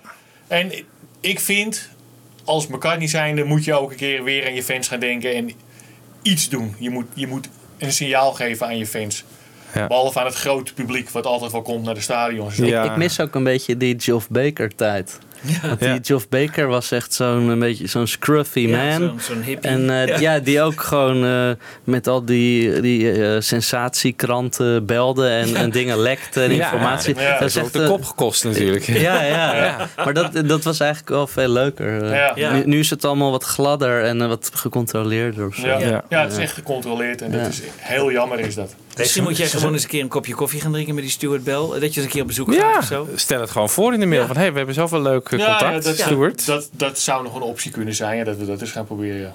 Ja, Want hij is wel heel, hij is altijd spontaan en reageert altijd op e-mailtjes of zo. Er komt Ja, altijd ja. een antwoord. ja. Maar het is altijd diplomatiek eh, correct. Ja. Dat is jammer. Engelsman, hè? Ja. Ja. Polite. ja. Very polite. Ik zit laatst in een hotel in Londen op 20 meter, echt direct om de hoek van eh One Soho Square. Oké. dus elke dag li- liepen we langs als we gewoon de stad in gingen. En het is dan toch altijd wel leuk dat je dan het beeldje ziet staan hè, van Wings Ja. Greatest. Ja, Ja. oh ja. ja. Maar goed, we hadden even de vrees toen Ramon het in de vorige aflevering eh, vertelde... dat Wildlife de volgende plaats zou zijn in het archive. Maar dat zou eh, te gek serie. zijn. ja, dat verbaast me dan ook weer niks, joh. Dat, dat, is weer een van, eh, dat vind jij een goede plaat dus, blijkbaar. Ja, het is een mooie plaat, er is wel wat voor te zeggen. Ja. Ja. Ja. Want wat is er voor te zeggen dan? Ken je Nou. die live-uitvoering van Wildlife? Die, is ook, die vind ik heel Ja, mooi. die ook in die, in die, staat op Paul McCartney special ja, zit, of ja, niet? Ja, tenminste. eh, Ja. In, in, eh, ja, die, Ja, ja, die ken ik, ja. Die is, die is, Ja, toch, die- die is ja, die beter dan op de ja, die plaat. Ik scroll even, ik ga even door Ja. het boek naar de plaat, even de tracklisting van Wildlife erbij. Nou, het begint ja. met Mambo, dan krijgen we... Ah ja, Mambo. Ja, Mambo is geweldig. Ja. Dat is echt, ja, Bip-Hop is ook super. Want Bip-Hop, ja, dat, dat is echt een nummer wat, eh, wat mensen echt verdeelt. Maar ehm, Bip, ik vind Bipop wel interessant eh, in zijn ontwikkeling als songschrijver. Dat hij. eh, Sorry hoor. Ja. Nee, ga verder. nou, eh, Ja. ik zal het je uitleggen. Ja. Eh, hij, hij heeft zijn gitaar in een open stemming gestemd in dat nummer. Hij speelt volgens mij in open E of zo. Oké, en ja. dat is iets waar hij eh, eh, weinig mee heeft eh, geëxperimenteerd in zijn carrière. En dat is iets wat eh, volkszangers natuurlijk wel van oudsher altijd deden. En eh, kijk naar Joni Mitchell, over wie we het zelf net hadden. En Bob Dylan ook natuurlijk. Die, die Mm. had ook vaak al dat soort stemmingen. Ja. En Bebop is geschreven in die stemming. En ehm, ja, dat is interessant, voor hem een interessante eh, nieuwe ontwikkeling en uitdaging geweest als schrijver. En eh, ja, ik vind het ook eh, hoe het klinkt. Het is, eh, ik vind het een heel mooie sound. eh, heel compact en een beetje funky. En, ja, geweldig. Er staat ook zo'n zo'n live-uitvoering dat hij voor zijn huis zit en Ja, met de kinderen aan het spelen. Dan en- speelt hij het ook in Ja. zo'n stemming. En dan volgens mij nog een hele toon lager of zo. Oh ja. Ja, Love is Strange, ook mooi. Wildlife, fantastisch nummer natuurlijk. En eh, Some People Never Know, die we nu gaan draaien, dat, ja, dat is misschien nog wel het prijsnummer samen met Tomorrow. Tomorrow, ja. Ja, en I Am Your Singer is ook wel mooi, maar het is wel een beetje vals, de harmonie. Ja, van Linda. En Dear Friend vind ik ook mooi, maar Ja. dat vind ik dan weer een beetje overschat. Want ja, er wordt vaak over gesproken alsof dat het enige goede nummer is. Maar ja, ik vind dan andere nummers wel beter eigenlijk. Dear Friend zou toch ook van de Ram... Ja, van de? Ram-sessies. Ja, van de Ram-sessies, hè? Het blad Mojo had pas ook een special over eh, inderdaad nummers die iedereen altijd zit te dissen. eh, maar die toch stiekem wel heel goed zijn. En daar stond Wildlife ook weer tussen. Het nummer Wildlife? Nee, nee, nee, de plaat. Oh ja, ja. Ja, nou ja, als jij nu die nummers opnoemt, Ja. ik kan ook zeggen hoor, ik vind het niet echt. eh, ik vind het, er zitten goede nummers tussen. Het- Er zat meer in sommige nummers. Zoals Tomorrow. Dat had een klassieker van het niveau mee bij mijn meest kunnen zijn. Misschien. In het juiste jasje, weet je wel. En alleen hij is- zet ook een hele rare stem op hoe hij Ja. het zingt. En het is allemaal een beetje... Maar het is ook de charme. Ja. Ja. Nou, zullen we maar even gaan luisteren dan. Some people never know.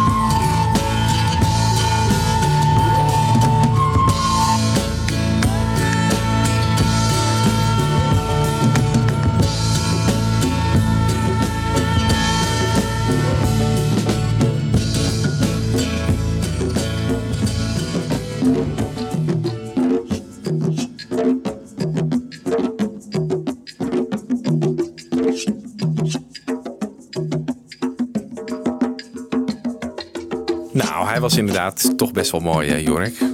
Ja, bijna Ja, de- toch? Ja, ja, zeker. Hij duurde wel heel erg lang. 6,5 minuut. Ja, er is ook een outtake eh, versie van. eh, waarbij- Nog langer. Ja, da- daarbij speelt Danny Seiwell de uh, Ubu Jubu. Net als bij het andere nummer. Trompet. De oboe. Ja. Ja. De oboe. En die, die, die heb ik wel, die is uitgelekt op een gegeven moment. Dat is wel leuk om te horen. Ja, maar die heb je toch niet geselecteerd? Nee, de, de- Nee. dat is in een slechte kwaliteit van een SCT. Ah, oké. oké. En als jij dan zegt van dit vind ik een hele mooie plaat, eh, wat, zit die dan zeg maar in je top 5 bijvoorbeeld? Gaat het zo ver, die liefde voor zo'n plaat als dit? Of is het, Nee, eh, verder van. Nee, ik zou, ja, hij staat niet heel hoog. Maar ehm, ik vind hem wel, wel goed. Maar ik heb er ook wel problemen mee. En dat zijn wel de Ja. problemen die anderen ook hebben. Maar ik vind dat het... ehm, ja, soms is het dan te makkelijk. eh, Dat, dat, dat als, als, als 30 of 40 jaar lang iedereen elkaar gaat napraten... Dan, Ja. dan worden de goede dingen steeds beter en de slechte dingen steeds slechter. Dat is ook een vorm van kanonisering. Maar ja, ik vind dat overtrokken. Ik vind- het overdreven, zeg maar. Ja. Zoals er binnen, binnen liefhebberskringen over de platen gesproken wordt. Zo slecht is hij niet. Nee. Maar hij is ook niet zo goed. Nee. Maar het is een interessante plaat, een, een bijzondere plaat ook. Er is er geen één in zijn oeuvre. Zijn mislukkingen zijn altijd interessant. Ja. ja, juist ook omdat hij zo geregisseerd is en, eh, en geproduceerd Ja. en alles, alle controle zo heeft over alles. Daardoor zijn denk ik altijd zijn uitglijders en missers zo interessant. Ja. Ook dat de, met Japan en zo, dat die werd opgepakt. Dat is heel interessant, omdat het helemaal niet past binnen het beeld van de PR-man die alles onder controle heeft. Nee. Of zo. Nee, nee. Wat is jouw lezing daarvan? Heeft hij dat nou min of meer bewust gedaan? Onder, onderbewust, bewust, eh, dat pakje, wat was het? Nou, ik geloof dat Wiet. niet echt. Wiet neergelegd? Ik geloof Ik- het ik- niet ik echt. Nee. Ik kan het ook niet geloven dat je zo'n risico zou nemen. Joko heeft de douane ingezet. Ja, dat zeggen sommigen ook. Hè?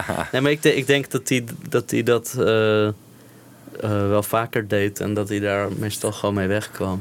Ja, precies. En ik denk dat hij ook in die tijd wel, eh, ja, althans, de, volgens de verhalen bloot hij toch wel elke dag. En ik denk dat hij daar ook helemaal niet zo over nadacht. Als, als anderen dat op een rationele manier zouden Nee. doen. Dus het is overmoed, een beetje hubris. Ja, ik denk het wel. Ja. Ja. Jullie? Ja, we hadden het er laatst over, hè, want het ging een beetje over het einde van Wings. Ja, ik, ik weiger nou toch te geloven dat hij een project dat zo succesvol was, waar een hele tour in de planning stond. eh, met, inderdaad, volgens mij was hij ook al in, uit Japan eerder verbannen geweest hè, vanwege drugsproblemen.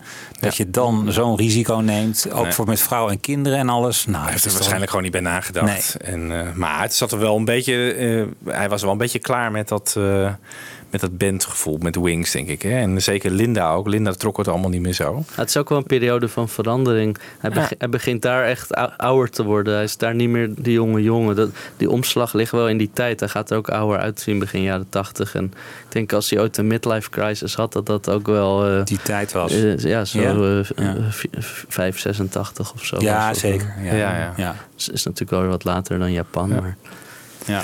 Maar ja, ook zo'n zo'n Give My Regards to Broad Street bijvoorbeeld is natuurlijk ook een uitglijer van je welste. Maar dat vind ik ook een fijne plaat om naar te luisteren. Ja. Ik ben er ook mee opgegroeid, Michiel ook. Maar daar moeten we ook nog een keer de show over doen trouwens. Absoluut. Dat Ja. was mijn eerste McCartney-CD. Dus die eh, heeft dan op een die blijft dierbaar. Ja, absoluut. Ja.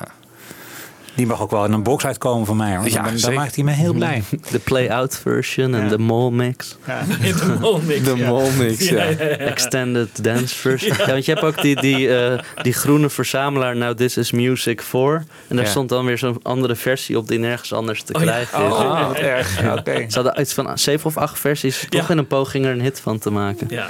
Van, van welk nummer? No More Lonely Nights. Ja, No precies. Terwijl No. More Lonely Nights, de ballad, is eh, een classic McCartney nummer. Ja. Dat hij dat nooit live heeft gespeeld. Hè? Ja. Oh ja, dat is waar. Dat, terwijl Al- Alison Krauss schijnt een hele mooie versie te hebben Oh. gedaan bij, bij dat eh Music Cares Tribute of een van dat soort shows. Oh. Waar die ook zelf bij was, alleen dat is volgens mij niet uitgekomen online. Nee. Nou, het was smaakvol dat ze dat dan doet. Zo'n eh, relatief... Ik hoor het haar ook wel doen met Ja. zo'n country snick, Ja. dat Ja. nummer. Ik vind die Brits zo mooi van dat nummer. Ja. And I won't go away until you tell me so. Dat Oh, is ja. geweldig. Zo'n mooie hij haalt het nu toch niet meer, die hoge tonen? Nee, hij zou het nu niet meer zo mooi kunnen zingen. Hij zingt het ook prachtig hè, op die eh Ja. studioversie. ja, ik denk dat hij het best gewoon bip-op kan doen. Ja, dat past wel bij dat krakerige stemmetje tegenwoordig. Kijk jij nou bijvoorbeeld, want dat zei ik tegen Michiel laatst van, ik kijk eigenlijk helemaal niet zo uit naar een nieuwe McCartney-album, omdat ik zo bang ben hoe die gaat klinken met die stem. Ik denk muzikaal zal het helemaal dik in orde zijn en dan valt er genoeg te genieten. Ik ben zo bang voor die stem. Ja, ik ook. We Ja, hadden het er ook al even over. En ja, het, het was al heel slecht. En eh, eh, er was heel veel trucage, want anders was alles zoals early days geweest, denk ik. Ja. Ik weet gewoon zeker dat er heel veel is geëdit, gemonteerd, getuned. En... Nou, dat hoor je ook wel een beetje. Ja, dat, dat hoor Veel je. effecten op zijn stem. Maar ik vind dat niet erg, want het is wel presentabel en het was een mooie plaat. Ehm, ja, of het de plaat is die die moest maken op dat leeftijd, ik vind van niet.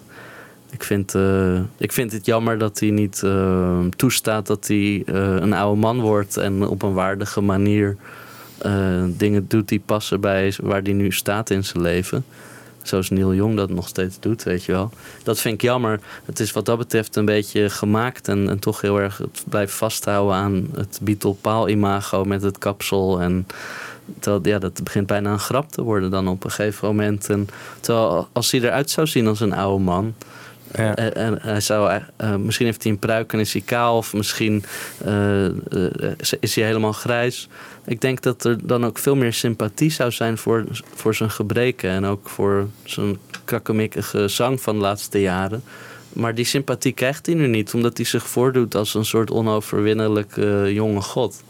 Waar vind je dat nou? Want Dan word je anders ik- gemeten, denk ik. Ja, ik vind dat hij juist heel veel sympathie krijgt uit de pers. En dat hij hem eigenlijk. Ze framen hem natuurlijk nog steeds als die Beatle Paul. Hmm. In alle interviews. En, Ja, hij wordt, hij wordt inderdaad Ja. sympathieker dan ooit behandeld, denk ja, ik. Ja, dat Ja. bedoel ik ook een beetje. Van, dat Ja. viel ons ook op in de kritieken naar Pinkpop bijvoorbeeld. Heel mild. Heel Ja. mild. Ja. Ja. Eh, terwijl je ook zou kunnen denken van ja, god. eh, In zijn gloriejaren werd hij afgekraakt om, om fantastische hoogtepunten. ja, Eh, absoluut. ja.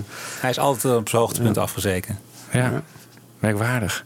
Nou ja, nu misschien is het gewoon een soort national treasure geworden... waar we gewoon zuinig op moeten zijn en blij dat hij nog leeft. En misschien Ja. is die, die vibe wel een beetje eh, dat die heerst. Maar, Nou ja, kijk, hij, hij, is- hij heeft natuurlijk. ehm, ik ben op een gegeven moment ingestapt eh, met Flaming Pie. Dat was de eerste McCartney-plaat die ik nieuw kocht. Ehm, en ja, dat is natuurlijk een fantastische plaat. Maar je ziet heel erg met zo'n plaat als Nieuw... dat hij toch heel erg eh, probeert mee te doen met wat, Mhm. met wat eh, commercieel succesvol is op dat moment. En met die mensen te werken. En dat doet hij nu weer met die Craig Kirsten. Ja. En eh, daar heeft hij natuurlijk een historie van. En dat heeft altijd ook toe geleid dat voor de critici...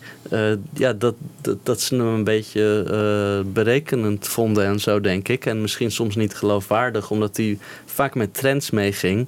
Ehm, en ik merk ook altijd als ik met oudere journalisten spreek... Dan, ja, dan verschillen we altijd van mening over McCartney. En verder zijn we het over heel veel dingen eens omdat zij allemaal gewoon echt dat klassieke beeld hebben van Lennon was onze man en de proteststem. En McCartney het softe commerciële watje, weet je wel. Ehm, en ik denk nu dat eh, ja, de laatste jaren ook door de Archive Collection een herwaardering plaatsvindt. En, ehm, en dat pakken ze op zich ook goed aan. Het tempo ligt traag, maar als je kijkt naar die Rambox set ja, hoe hij daar eruit zag en zo, dat paste weer helemaal in, in het hipsterbeeld van Hmm, eh, mensen met lange baarden en zo. En, ehm, En die plaat wordt nou heel erg gewaardeerd. ja, maar- maar die platen die worden nu genomen voor wat ze zijn. En ehm, ja, ik denk ook dat mensen die het nu luisteren, die het leren kennen, niet de context kennen uit die tijd. Dus die weten niet per se dat, eh, dat hij eh, met Arrow Through Me een poging deed om, om een, een disco liedje van die of die na te doen op zijn manier, weet je wel. Die horen het voor wat het is en die horen, wauw, wat een geweldig nummer. En wat een coole blazers en wat goed gezongen, gespeeld. En ja, daarom neem je het denk ik meer voor wat het is dan. Maar dat bedoel je toch ook net, Ramon? Je zegt van hij moet zijn fans weer iets geven. Ik bedoel, hij moet in ieder geval nu. Hij geeft niks, hè? Het is nu gewoon heel stil. eh, af en toe wat leuke nieuwtjes. Maar nu, ja, we missen eigenlijk gewoon eh, Nou, nieuwe projecten. Ja, ik weet niet of ze weten wat, wat, eh, oh, sorry. Wat fans dan zijn. Of eh, zijn fans de mensen die naar het stadion komen, of zijn fans de mensen die al zijn LP's kopen en. en, en En dat zijn degenen die de kleurplaten willen in, inkleuren Ja, ja. op zijn site. ja, dat bedoel ik inderdaad. Ja. En, en kunstwerkjes insturen. Ja. Dus Ja. Wat, wat is een fan en wat is een fan, dat is, dat is de vraag. Ja, want als je, Nou- als je het over zo'n legacy hebt, dan moet je inderdaad nu heel vlot werk maken van al die andere platen, ook al zijn mindere platen, in die archive collection zou ik denken. Hè? Ja. Dat Ja. is je erfenis. Ja. Bedoel, daar kan je over twintig jaar nog op teruggrijpen als hij dood is. Ja, maar Ja. Hij, hij, hij, zet, hij zet gewoon heel eh, breed in. En hij zet heel laag in met die kleurplaten en zo. Het is allemaal zo kinderlijk, al die uitingen. Het is echt van een niveau dat je echt denkt van ja... Ja. Hij zet niet in op, op, op, de, ja, op inhoud of zo. Het is niet smaakvol of Nee. vind, hoogstaand, die uitingen toch, van die Nee, website. nee, absoluut niet. Nee. Nee. Het is echt ingezet op, op, op eh, Commissie. ja, mensen naar zijn stadions krijgen. Ja. Door, door dingen die... Zoveel mogelijk breed mogelijk Ja. publiek eh, bereiken. Ja, dan kan je niet eh, diepgang eh, gaan Maar, zoeken. maar als je serieus genomen wil worden als artiest, dan moet je dat niet doen. Nee, dat is waar. Petitie beginnen. Petitie, ja. Ehm, wij gaan door met eh, George Harrison, The Answers at the End.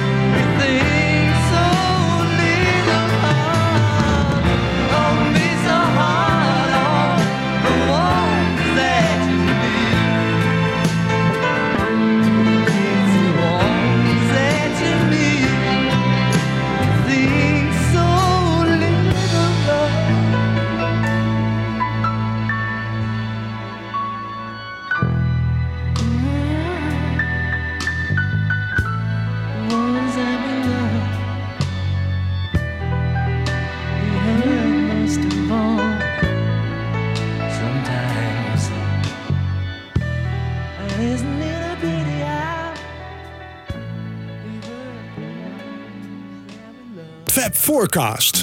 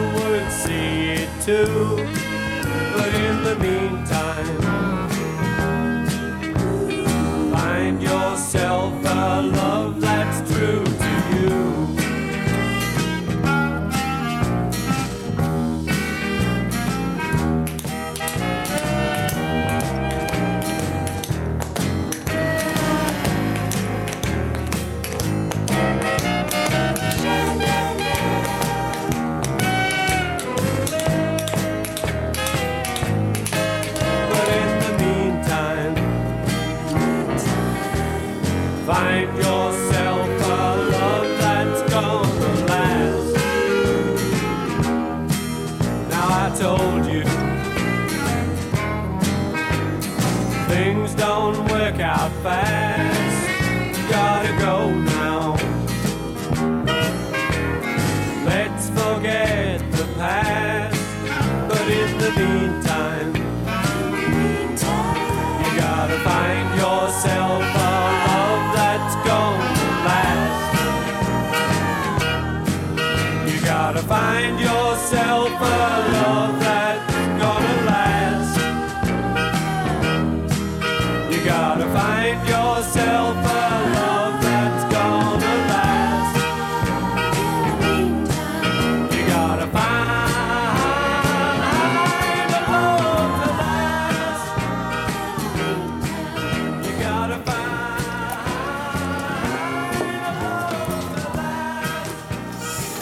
we dachten we plakken Step Lightly van Ringo Starr er maar even achteraan.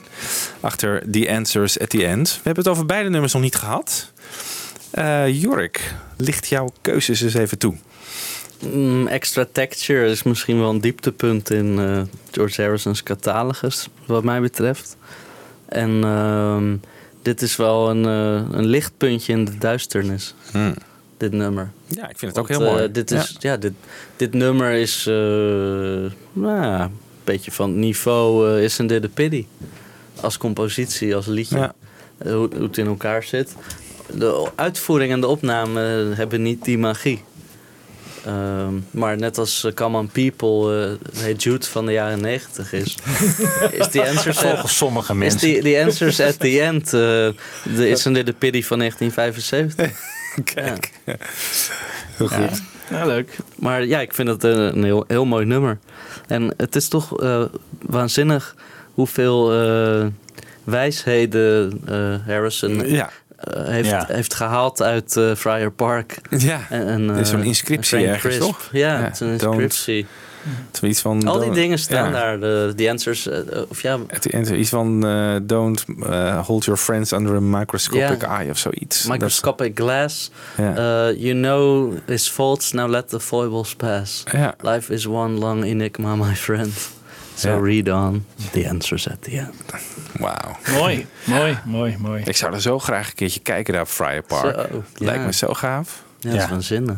Rondleidingen. Vroeger Zo, was het ja. gewoon open, hè, dat park geloof ik, Ja. voor het publiek. Ja. Toen George er ook woonde. Oh, Ja, volgens mij eh, het- Daarvoor wel, maar eh, oh, ik wist niet. dat- dat- toen hij daar woonde? Ja. Kon je daar gewoon naar binnen? Ja. Heb je toch nooit Nou, niet voor- in het huis, maar gewoon eh, in het park. Het was gewoon Oh, een ja? openbaar park. Oh ja? Dat is echt gigantisch groot is het natuurlijk.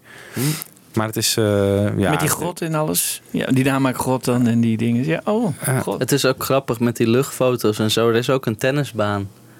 Maar dat komt nooit eh, naar buiten of zo. Nee. Dat, is, dat past zo goed weer bij die, die tweestrijd tussen dat spirituele bestaan en, en Ja, eh, materialisme. dat materialisme. Ja, Ja. het is echt inderdaad bij hem. eh en het motorracen natuurlijk. Ja. En, eh, ja. Yin Ja. Yang.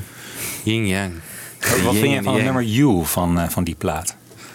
Ja, wel een mooi nummer, maar het, ja, dat, het is gewoon niet helemaal goed gelukt. Omdat het niet, niet in zijn bereik eh, ligt als zanger. Te hoog. Ja. Ja. voor, voor zijn stem rond die tijd. Ja, Het is toch versneld afgespeeld ook? ook, ja. ja het klinkt niet realistisch. natuurlijk, nee. Ja, het is wel een mooi nummer, maar, maar het is denk ik ook vooral een mooi nummer omdat de context zo treurig stemt.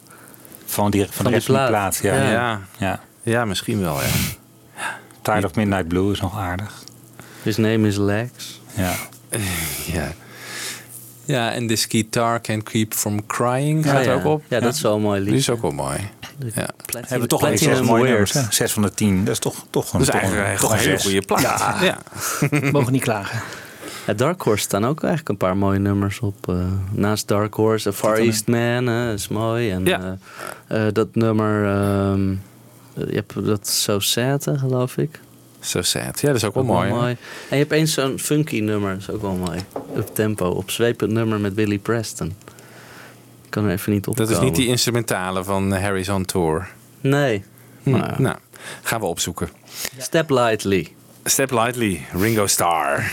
yeah. Ja, ik zei net tegen Jan Kees, want eh, Ringo klinkt nog steeds wel een beetje als toen. Hè? Gewoon, zijn stem is misschien ietsje ouder geworden. Ja. Maar Jan Kees zei van, ik heb moeite om te herkennen aan Ringo's stem wanneer het gezongen is. Dat is best wel bijzonder. ja, ik denk omdat hij zo weinig zong, dat, er- dat er weinig slijtage eh, is ook. Ja. Maar Ja, goed, ja. hij heeft wel bergen koken eh, gebruikt en, en eh, En de nodige drank. rivieren aan eh, drank. En heel veel gerookt natuurlijk Ja. in die tijd. Ja. Ja. Ja. Ja. Maar goed, ja, zijn stem is nog, eh, Ja. nog wel goed. Ja. Maar dit, dit liedje, ja, het is zo'n mooi liedje op, op die plaat. Ja, ik had ook eh, eh, Sunshine Live For Me kunnen doen. Die vind ik heel mooi. Die is ook geweldig met de band. Ja. Maar ik dacht, dit vind ik wel leuk om even te belichten, omdat het een, eh, een solo-compositie is van Ringo. En dat is wel bijzonder. Ja. Want eh, hij krijgt altijd hulp van anderen, zelfs wanneer het ongecredit is. zoals bij Don't Come Easy en Octopus's Garden en zo. En hier is het alleen Richard Starkey. En het is een mooi liedje. Het is grappig als je die, eh, dat, dat arrangement hoort met die, die blazers en zo. Eh, het lijkt een beetje op eh, Say You Don't Mind. Eh, Van Danny Lane. Ja, van Danny Lane. Dat was toen een hit van Colin Blunstone. Net geweest in 72, denk ik. Of misschien wel iets eerder, 172. En eh, d- dit blaasarrangement lijkt daar ook heel erg op. Het is een, beetje de melodie van Say You Don't Mind. Van Realize that I've been in your eyes, some kind of fool. Ja. Dat hoor je er een beetje in. Maar het, ja, ik vind het wel een mooi nummer eigenlijk. Mooi gearrangeerd, smaakvol. Ja. Ja. Is Ringo nou zijn beste plaat? Ja, ik denk het wel. Het komt door, door met wie die werkt, denk ik. Ja. Ja. Met alle Beatles. Ja. Ja, en de band en gewoon goede liedjes. En, en ja, Richard Perry was ook wel een goede producer. Zeker. Goede Ja. match. Ja. Ja. Ook de producer van Harry Nielsen, toch? Ja. tijd. Ja, ja, ja. Ja, want uh, Nielsen Smilsen was natuurlijk de succesplaat. Ja. Toen mislukte eigenlijk Son of Smilsen een beetje. Toen kregen ze ruzie. En toen kwam daarna nog ehm, de plaat eh, Ringo. En dat was natuurlijk toen een groot succes voor Ringo. Dat is weer een jaar na Son of Smilsen. En eh Nielsen werkte niet meer samen met eh, Richard Perry. Nee. Maar hij eh, doet wel mee op deze plaat en ook op Goodnight Vienna. Oké. Dus ja. ondanks dat ze gebrouilleerd waren, die twee hebben ze wel samen aan die Ringo-plaat Hij kwam wel langs voor die Ringo-plaat, want hij, hij doet alle stemmen op Only You. En ehm, En natuurlijk Your 16 met eh, Paul. ja, doet hij ook mee. Ja. Hij doet volgens mij op twee nummers op Ringo mee of zo. Ja. Ja, Het waren ook dikke vrienden natuurlijk, ja. ja. drinkenbroeders. Drinkenbroeders.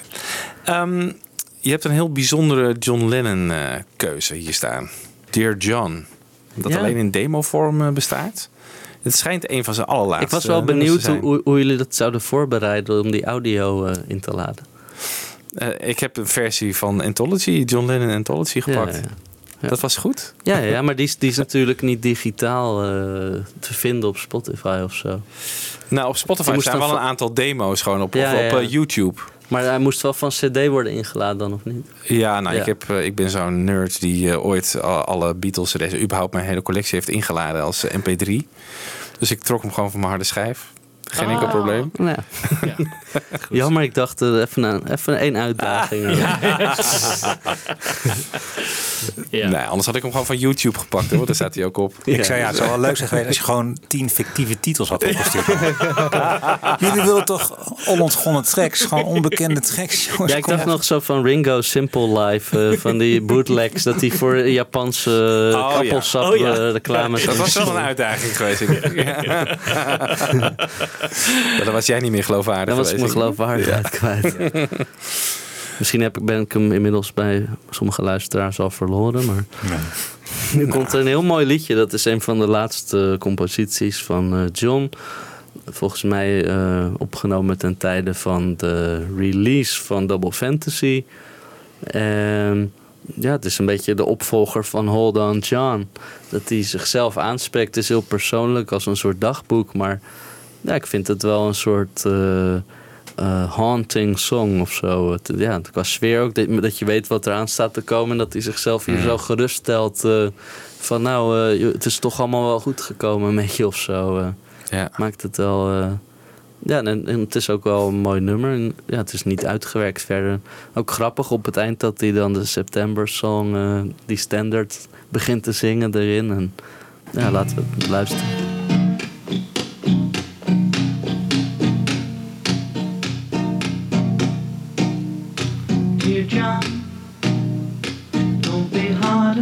Yourself.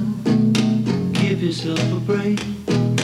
Life wasn't meant to be run. The race is over. You won.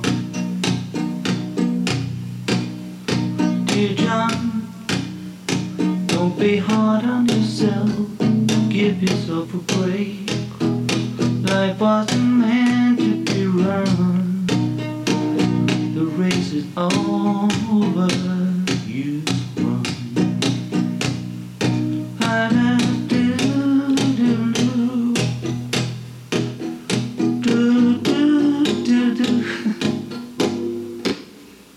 Dear John, don't be hard on yourself. Give yourself a break. Life wasn't meant The race is over.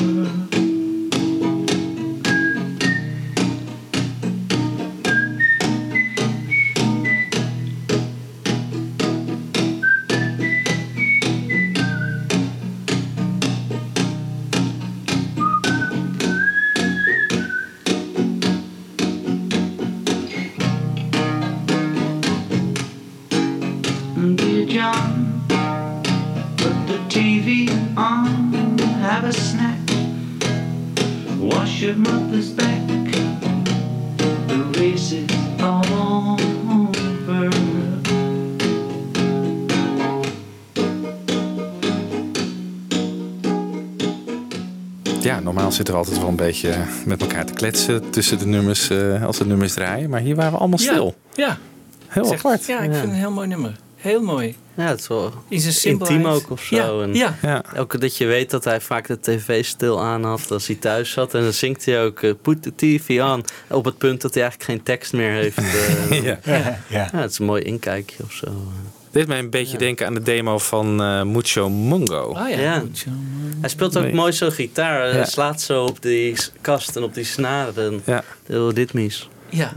Dan stopt hij even en dan gaat hij weer. Ja. Ja. Maar ik denk ook dat we ook luisterden omdat al die andere nummers die horen we al zo vaak misschien. Ja, Ja. Ja. dat is misschien ook wel zo. Ja. En dit ook wel de context waar het in ge- geschreven is natuurlijk, hè, vlak voor zijn dood. Ja.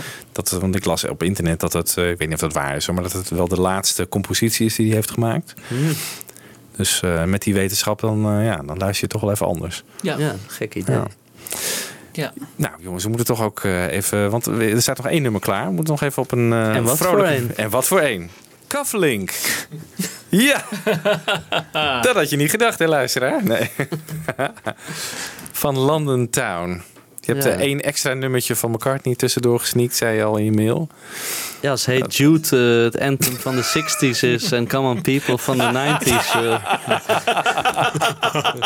nee, dat was Michiel, niet. hoor je het? Dat was dan- Cufflink, de flying van de jaren 70. ja. dat is wel beter, ja. Nee, ik, eh, mijn intentie was een andere. Ehm, ik, ja, ook wat, wat denk ik wij heel erg waarderen aan McCartney's solo werk. En wat vaak eh, eh, onbekend is bij het grote publiek. En, en, en ook waar critici, critici vaak aan voorbij gaan. Dat is eh, die eh, speelsheid en die eh, experimentatiedrang. Ehm, nieuwe dingen willen uitproberen, nieuwe dingen willen leren, nieuwe instrumenten, nieuwe klanken. Dingen anders aanpakken dan hij al eerder heeft gedaan. Het is echt een kunstenaar, McCartney. Een kunstenaar aan het werk. En nee, zo'n liedje als Cufflink, dat is gewoon typisch. Dat is, dat is helemaal niet commercieel. Dat is niet de gladde eh, Paul Nee. McCartney zoals eh, hij vaak wordt weggezet. Dit is gewoon eh, waarom wij hem ook waarderen en wat hem een interessante artiest maakt. Dat hij dit soort dingen doet. En ik vind het echt heel mooi oprecht. Maar heel veel mensen denken echt, oh, wat is dit of zo. En dat is leuk. Verwadden hoort er ook bij als kunstenaar. Ja. Ik vind ook het, het nummer dat hiervoor staat op de plaat, ehm, Backwards Traveler, wat uh, Cufflink in overloopt. Vind ik ook een heel mooi klein liedje dat gewoon maar, ja, volgens mij niet eens een minuut duurt of Ja, zo. dat is gek, ja. Die demo is Ja. ook mooi. Toen ik 12 was, kocht ik mijn eerste bootleg CD. En dat was eh, op Mistral Records, London Town, Roughs and Demos. Ja. En eh, daar stond die ook op, samen met eh Boyle Crisis. Oh ja, Oh ja. En, eh, die vind ik dan weer niet zo. Maar nee, die is inderdaad minder gewaardeerd. Toch een beetje Hey Jude van 1978. nee, maar dat, dat, dat, dat is een hele mooie bootleg. En daar, eh, daar bestaan ook inderdaad al dat soort nummers. Ja.